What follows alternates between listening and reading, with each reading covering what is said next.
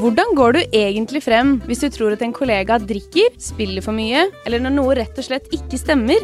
I denne podkasten tar vi opp temaer som av mange oppleves utfordrende å snakke om, og hvordan du går frem for å gjøre noe med det.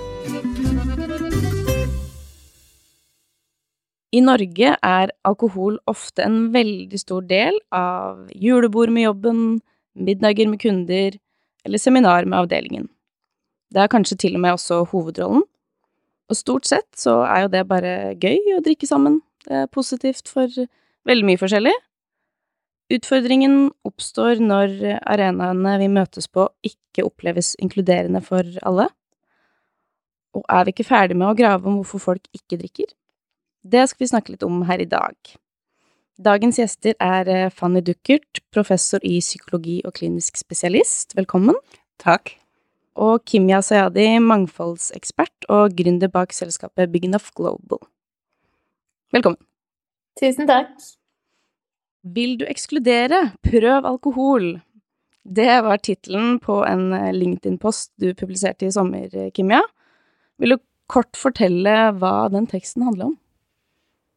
Nei, jeg tok jo opp dette her med hvordan alkohol bidrar til ekskludering i jobbsammenheng, og tok jo frem dette her, som du sier innledningsvis, da, med at man har mye alkohol på typisk sosiale arrangementer, og at det kan bidra til ekskludering både for de som ikke drikker, men også de som på en måte er ukomfortable rundt å være, å være rundt folk som drikker. Og så er det jo dette her med det spørsmålet da, som man hele tiden får hvis man ikke drikker, sånn Hvorfor drikker du ikke? Hvorfor drikker du ikke? Hvorfor drikker du ikke? Så blir hele kvelden om å på en måte forklare det samme til 20 forskjellige personer, noe som kan gjøre det så slitsomt å delta på sosiale arrangementer at man bare til slutt lar være å, å delta. Mm. Og du er jo en av de som stort sett i hvert fall ikke drikker, i spesielt jobbsammenheng? Ja, det mm. stemmer. Mm. Og hva var responsen på det innlegget? Nå er det jo sånn at jeg skriver på LinkedIn nesten hver dag, men det innlegget er et av de innleggene som har gjort det best. Og det sier jo litt om engasjementet rundt, rundt denne saken. Responsen var veldig mye i kommentarfeltet. Folk som opplevde at de ble ekskludert, opplevde at ikke de var velkommen pga. at alkoholen hadde en så dominerende plass. Og til min overraskelse så var det mange? Man har jo en sånn tanke i hodet om at det kanskje er flerkulturelle eller liksom religiøse som ikke drikker. Men ja, til min overraskelse så var det også mange utenfor denne målgruppen da, som kommenterte at de opplevde eh, ekskludert. Det som også var ganske overraskende av de tingene i kommentarfeltet, var at det var mange som også skrev at oi, dette her har jeg ikke tenkt på, eller jeg har ikke vært bevisst på hvordan alkohol kan være med på å ekskludere. Så det syns jeg var, var, veldig fint, at man fikk på en måte høre fra folk som var eller følte seg ekskludert, og da få den der innsikten og påminnelsen om at hei, dette her er noe vi kanskje bør passe på internt. Mm. Fanny, når du liksom hører om eh, reaksjonene på det her, da, eh, hvorfor, hvorfor tror du det engasjerer sånn? Ja, nei, jeg blir ikke så veldig overrasket over det, fordi at i Norge så har vi historisk alltid hatt et ganske høyt drikkepress. Og det har litt å gjøre med de norske alkoholvanene, måten vi bruker alkohol på. For det som er veldig sånn typisk de norske drikkevanene, er at vi drikker ganske fort, ganske mye, og at vi er veldig sånn opptatt av å vise at vi drikker når vi drikker, og hvorfor det?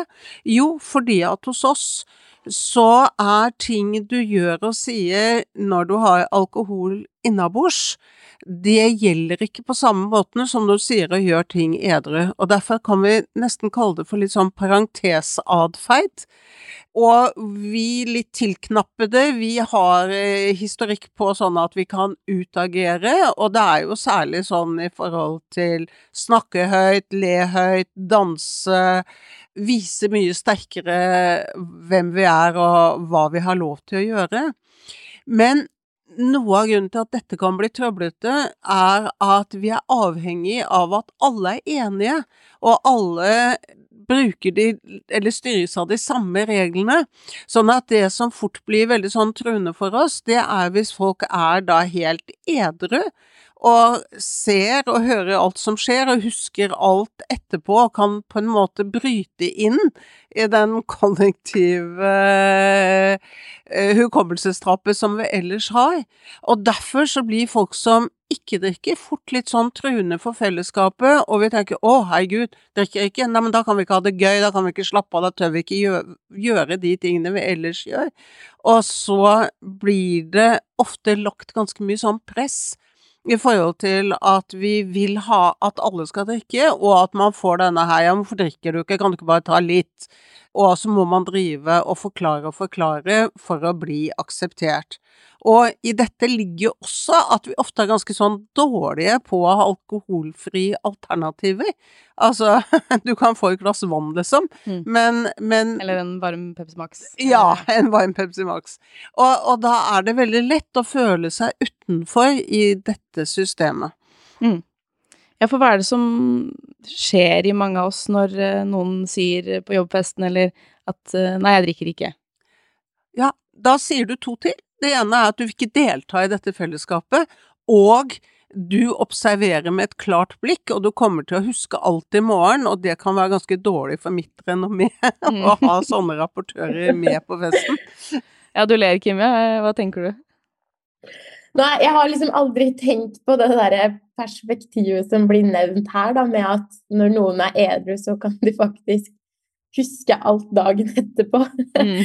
Så det, det, var et veldig sånn nytt, nytt, perspektiv for meg. Ja, for jeg, jeg har aldri egentlig skjønt sånn Hvorfor har folk et så stort behov for at jeg skal drikke? Altså sånn Jeg ler, danser Jeg er den første ut på dansegulvet og liksom er full stemning uansett om jeg har drukket et glass vann eller tar meg en shot vodka, liksom. Så jeg har liksom tenkt sånn, men jeg bidrar jo ikke til å være noen festbrems eller noe, så hvorfor er folk så gira på at jeg skal drikke? ja, ikke sant. Nei, det er jo Det kan man jo virkelig stille seg spørsmålet. Og hvem er det som bidrar til den dårlige stemninga? Er det den som ikke drikker alkohol, eller de som poengterer, poengterer det? Ja, altså det er klart at dette drikkepresset Vi snakker om at vi i Norge har et ganske høyt kulturelt drikkepress. Og, og det er jo interessant at land i andre land så har de jo ikke så mye av dette. Jeg har i mange år jobbet og bodd i Sør-Afrika eksempel, og da er det en tredjedel av befolkningen som ikke drikker noe i det hele tatt. Og det er helt greit. Altså, ingen bryr seg, ingen spør, eh, du må ikke stå til regnskap for noen. Så, så dette er noe med den norske kulturen å gjøre, at vi bruker alkoholen ofte på en litt andre måte enn vi gjør i andre kulturer. Og dermed så blir det mindre fleksibilitet og mindre valgfrihet om du skal være med eller ikke være med på det. Mm. Fanny, hvis vi ser litt tilbake i tid, um, hvordan har alkohol eller alkoholens rolle i arbeidslivet endra seg de siste 10-20 åra? I festkulturen, eller? Ja, altså Det vi kan si Altså, det har skjedd liksom to to ting parallelt. Det ene er at arbeidstiden er blitt knusktørr. Altså, man drikker ikke på lunsj, man, man har ikke alkohol eh, tilgjengelig i løpet av den offisielle arbeidstiden. Men samtidig så har vi utvidet det vi kaller for sånn gråsonedrikking. At vi avslutter med vin, vi feirer seire, og for meg, akademia hvor jeg hører til, ikke sant, nå har du fått publisert en artikkel, eller du har fått et forskningsbidrag, så smeller champagneflaskene. Man driver teambuilding med alkohol, sånn at det vi har fått er på en måte en ganske stor gråsone som har veldig mye med sosiale relasjoner, teamarbeid, byggeentusiasme, drive utvikling, som er ganske alkoholmarinert. Mm. Vi møter mange som sier at det var verre før. Ja, og det er nok helt sikkert. Altså Samtidig, det er en tredje dimensjon, og det er nok en økende bevissthet. Altså, før begrepet fri bar, for eksempel, og det var jo særlig julebordene, hvor folk kunne drikke med begge hender og gratis og spriten og sånn. Så, så, det er nok på veldig mange arbeidssteder blitt en restriksjon i forhold til hvor mye som er ålreit å drikke, og at uh, den overstadige fylla ikke er populær lenger. Mm. Hvis jeg kan bare, kan jeg bare skyte inn en ting? Ja. Og det er at for noen uker siden så var det en forsidesak på E24 eller DN, tror jeg, at uh, det var en av de der offentlige virksomhetene som hadde bestemt seg for at ikke det skulle være gratis øl på et eller annet arrangement de skulle ha.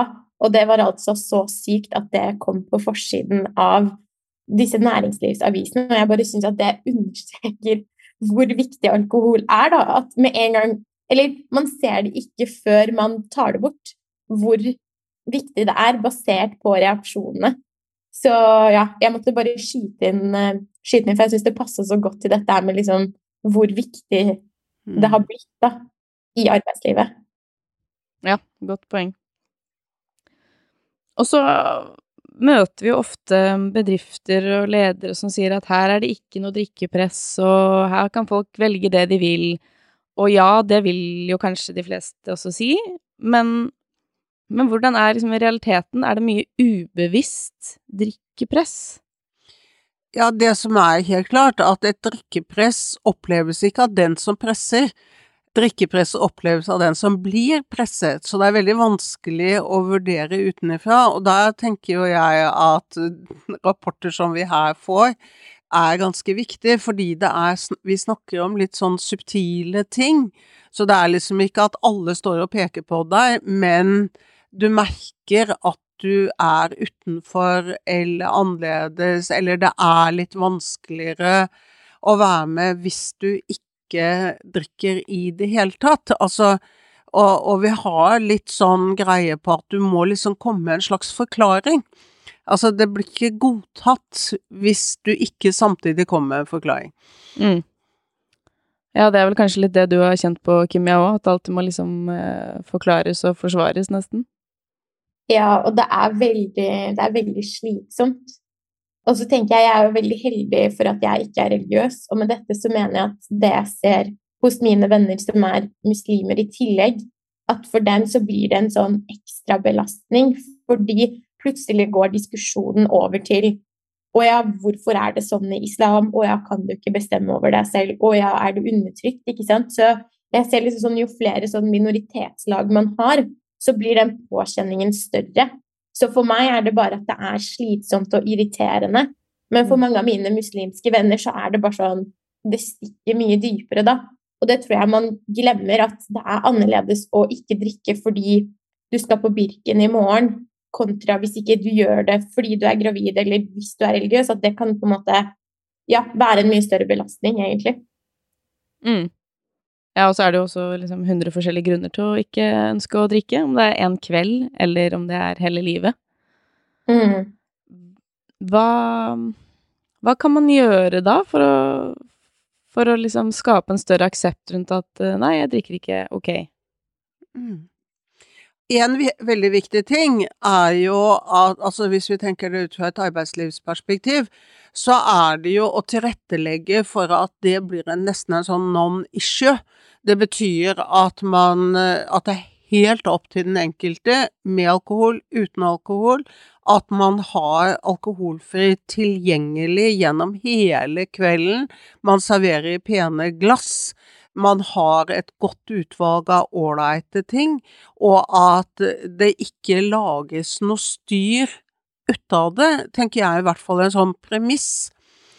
Og så tror jeg også for at folk som ikke drikker, da, i Norge, at de må tenke litt gjennom hvordan vil de på en måte gjøre det, og det som er viktig å huske på, at du trenger ikke å forklare hvorfor.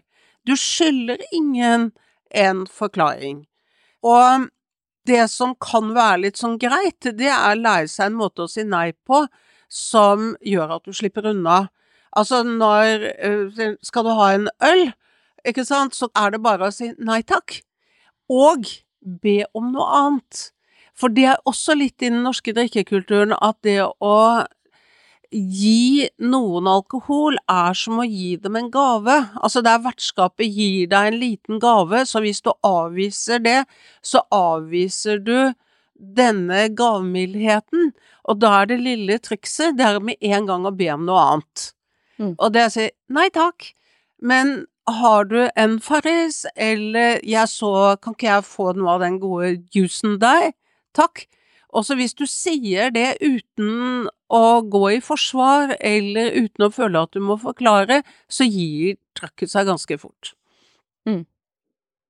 Jeg syns det var veldig gode perspektiver. Og så har jeg lyst til å, å, legge til at som arbeidsgiver bør man også tenke over mengden alkohol som er tilgjengelig på arrangementer. Det er veldig stor forskjell på to, tre, til og med fire glass vin kontra åpen bar. Mm. Fordi det er når folk blir fulle og mister kontrollen, at det kan skape veldig mange ubehageligheter. Og så tenker jeg det er viktig at man som virksomhet gjør ledere oppmerksom på på nettopp dette da, med både mengde alkohol, men også dette her med å ha kule alkoholfrie alternativer. fordi ofte er det de som sitter og bestemmer hva slags arrangementer man gjør på en måte med sitt team. Og til slutt at man også har kule arrangementer hvor ikke alkohol er i sentrum. Altså om det er frokostarrangementer, om det er en middag hvor man liksom tar med familien. At vi blir flinkere til å ha arrangementer uten alkohol, sånn at ikke det blir sånn fordi det er nesten sånn at man ikke kan leve eller ha det gøy uten alkohol, og den tror jeg vi må liksom endre litt det, det narrativet, da. Det tror jeg er en veldig god idé.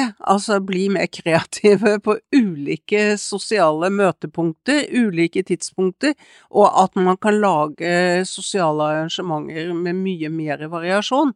Mm. For det er jo ofte litt sånn fantasiløst, den derre ut og spise middag med alkohol. Så, så, så jeg tenker at det er smart å tenke litt har vi flere options, eller flere alternativer? Mm. Absolutt, det, det er jeg veldig enig i. Og så likte jeg veldig godt de tipsene du sa med hva er det på en måte individer kan gjøre. For det er noe med at jeg tror ikke det er en så god løsning å bare la være å delta på alt som har alkohol i seg. Fordi da tror jeg man mister ut på ganske mange arrangementer og ganske mulig, mange muligheter for seg selv. Men at vi heller blir flinkere og tenker ok, hvordan er det jeg kan navigere meg i disse problemstillingene, enn å, enn å la være å delta. Ja, for det kan jo være det som er litt kjipt, da. At um, man bare velger å ikke være med på alt som skjer utenfor uh, arbeidstid med jobb. Ja, og da Jeg er jo helt enig at da tror jeg du mister ganske mye.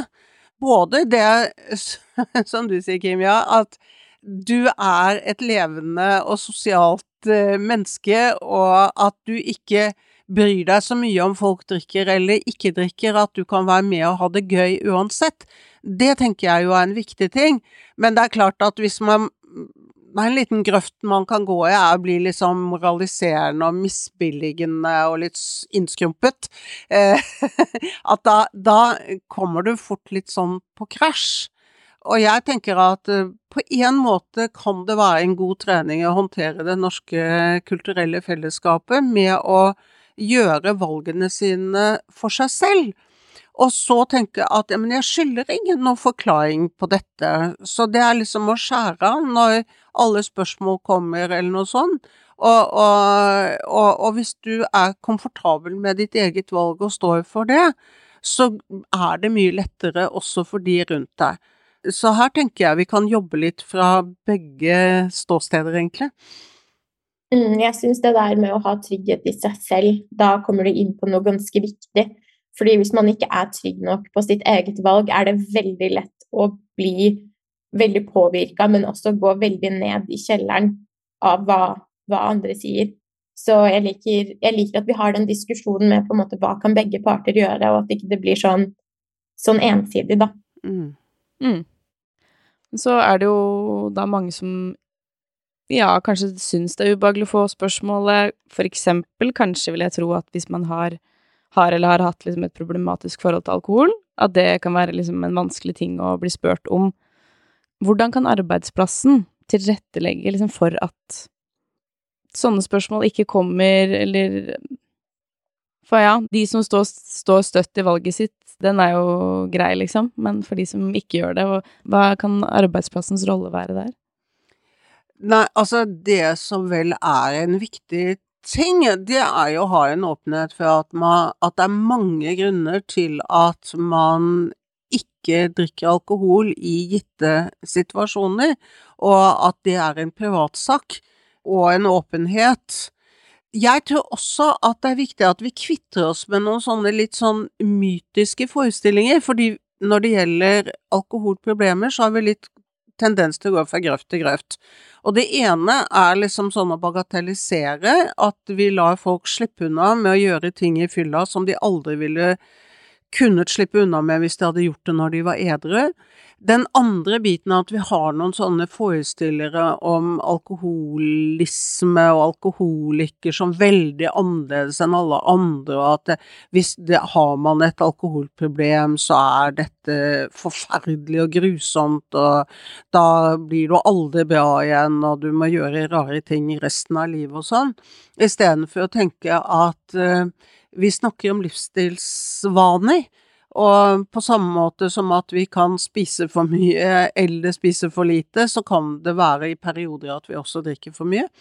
Og at man innimellom gjør noen grep, enten det er i forhold til at man ønsker å justere livsstilen, det kan være at man tenker at nei, nå er det bra for meg med en periode med uten alkohol, og at man ikke At dette er en del av det normale menneskelivet. Sånn at ikke mm. vi går i den der alkoholikergrøfta, for den gjør alt dette veldig skummelt og rart og truende. Og så tror jeg det er lurt å ha på en måte policyer på plass, men også bruke tid på å snakke om det. Altså hvis lederne er flinke til å si ja, det er normalt hvis man ikke drikker, det er greit å på en måte gjenta det igjen og igjen og igjen og igjen, og på en måte forklarer også hvorfor det er en viktig del av inkluderingen så tror jeg det blir mye lettere. Men noen må jo bygge den kulturen, og her mener jeg at ansvaret klart ligger hos leder på å på en måte ta den, ta den føringen og ta det, ta det ansvaret. Mm, jeg er helt enig med deg. Dette er et mm. typisk lederansvar. Mm. Og så er det jo også bare viktig å påpeke at uh, her er jo ikke snakk om å fjerne alkoholen. Ja, nei, vi skal jo ikke gå i den moralske grøfta. Alkohol er et lovlig rusmiddel mm. som de aller fleste har det fint med. Og det er lett å bli sånn overmålelse. Nå må vi, nå må vi nordmenn lære seg å feste uten alkohol, eller her på vår arbeidsplass er det ikke alkohol i det hele tatt. Da mener jeg vi går i en ny grøft. At det er å dra det for langt. Mm. Men den derre um, mm. Fini Hva heter det? Gylne middelvei, er det det heter? Moderasjonsgleder er ikke så dumt å tenke litt på. Mm. Men det er bra at du legger til, legger til det her, Julie, fordi når jeg skal jobbe med virksomheter på mangfold og inkludering, så kommer vi jo naturligvis inn på dette her med alkohol. Og selv om jeg forklarer alt veldig nøytralisert og sier vi må ha alkoholfrie alternativer, så er det noe med at folk tror at de bare går så inn i forsvarsmodus at de tror at det faktisk sier at vi skal fjerne den. Mm. Og da blir det jo altså, da blir det skikkelig dårlig stemning. Så jeg tror det er en veldig bra sånn litt sånn på slutten å bare presisere at vi skal ikke, da, vi skal ikke ta fra noen eh, fredagspilsen. Men som du sier, at det handler om den, den balansen da, for at alle skal ha det bra. Både de som drikker, men også de som ikke drikker. Mm går rett i forsvarsmodus når noen prøver å Ja, altså, for vi er i Norge med den norske kulturen og norske alkoholvaner. Men da er det, ikke sant, fredagspilsen, men tenk på så fantastisk mange gode alkoholfrie øltyper det fins, for eksempel. Så når man kjøper inn til fredagspilsen, så kanskje da at man også får med et litt repertoar alkoholfrie øler. Mm. Altså, det er en del Det er liksom mer bare å inkludere at det er plass til alle varianter, uten at det skal bli en, liksom noe veldig sånn dramatisk eller rart, eller kreve forklaring på noen måte. Mm. Helt til slutt, dere har jo kommet med for så vidt flere råd til, til ledere og bedrifter, men hvis man skal prøve å trekke ut uh, tre råd, Kimia, til um, Du er jo ofte ute og rådgir bedrifter innen det her. Ja, det første er å tenke på mengden alkohol. Det andre er å tenke på å ha arrangementer hvor man også ikke har alkohol. Og det tredje er nettopp dette her med å normalisere at det er greit å ikke drikke, og at man ikke trenger å stille så sykt mange spørsmål ved det. Selv om du sa tre, år, tre, tre råd, men en siste også. Dette her med å ha like kule alkoholfrie alternativer som de som har alkohol i seg. Mm, kort og konsist. Fanny, hva har du noen råd til slutt? Ja, jeg tenker at det er ganske lurt på veldig mange arbeidsplasser at man må ta en liten sånn runde på hvordan skal vi gjøre det her hos oss. Altså at dette kan snakkes om åpent, og at man kan bli enige om kjøreregler som eh, kan funke for eh, ulike grupper, ulike personer, og, og, at dette er vi enige om. Sånn er det hos oss, at det er plass og fleksibilitet. Så er jeg helt enig. Jeg tror at man skal begrense mengder. Eh, noe vi i hvert fall kan gjøre veldig enkelt, er å kutte ut all spritservering, for det er spriten som ofte skaper problemene. Sånn at man lager et tak på hvor eh, mye som er inkludert i dette partiet, dette selskapet. Og den tredje, som er litt sånn viktig som leder, er du en viktig rollemodell for bedriften din. Så, da, så mitt lille råd til ledere er drikk ansvarlig. Fordi eh, både er du rollemodell, og eh, du er fortsatt leder også i sosiale arrangementer, sånn at du må være litt ekstra bevisst både på hvor mye du drikker, og hva du tar ut i rusen. Mm. Og tar ut i rusen, hva tenker du på da? Nei, altså det, Dette har jo å gjøre med at eh, i mange sånn gamle norske kulturer så var jo det å drikke betydde at da kunne du slå ut hår og tillate deg ting og gå utover normene for vanlig akseptabel atferd. Og, og, så sier du at ja, men det er ikke din skyld, det er alkoholen som har gjort det med deg. Men den gjelder ikke i praksis, og særlig ikke for ledere. Eh, fordi du må kunne stå til ansvar for det du gjør og sier, enten du er edru eller beruset. Kan jeg bare si en siste ting på, på slutten her? Mm. Jeg, det jeg syns er veldig bra uh, med det Fanny sa, var jo dette her med lederansvar. Og jeg tror at hvis ledere i noen sosiale settinger kan faktisk la være å drikke også, så er det noe med å vise at igjen den normaliseringen At man både kan være på lag med de som drikker noen ganger, men andre ganger la være å, å drikke også.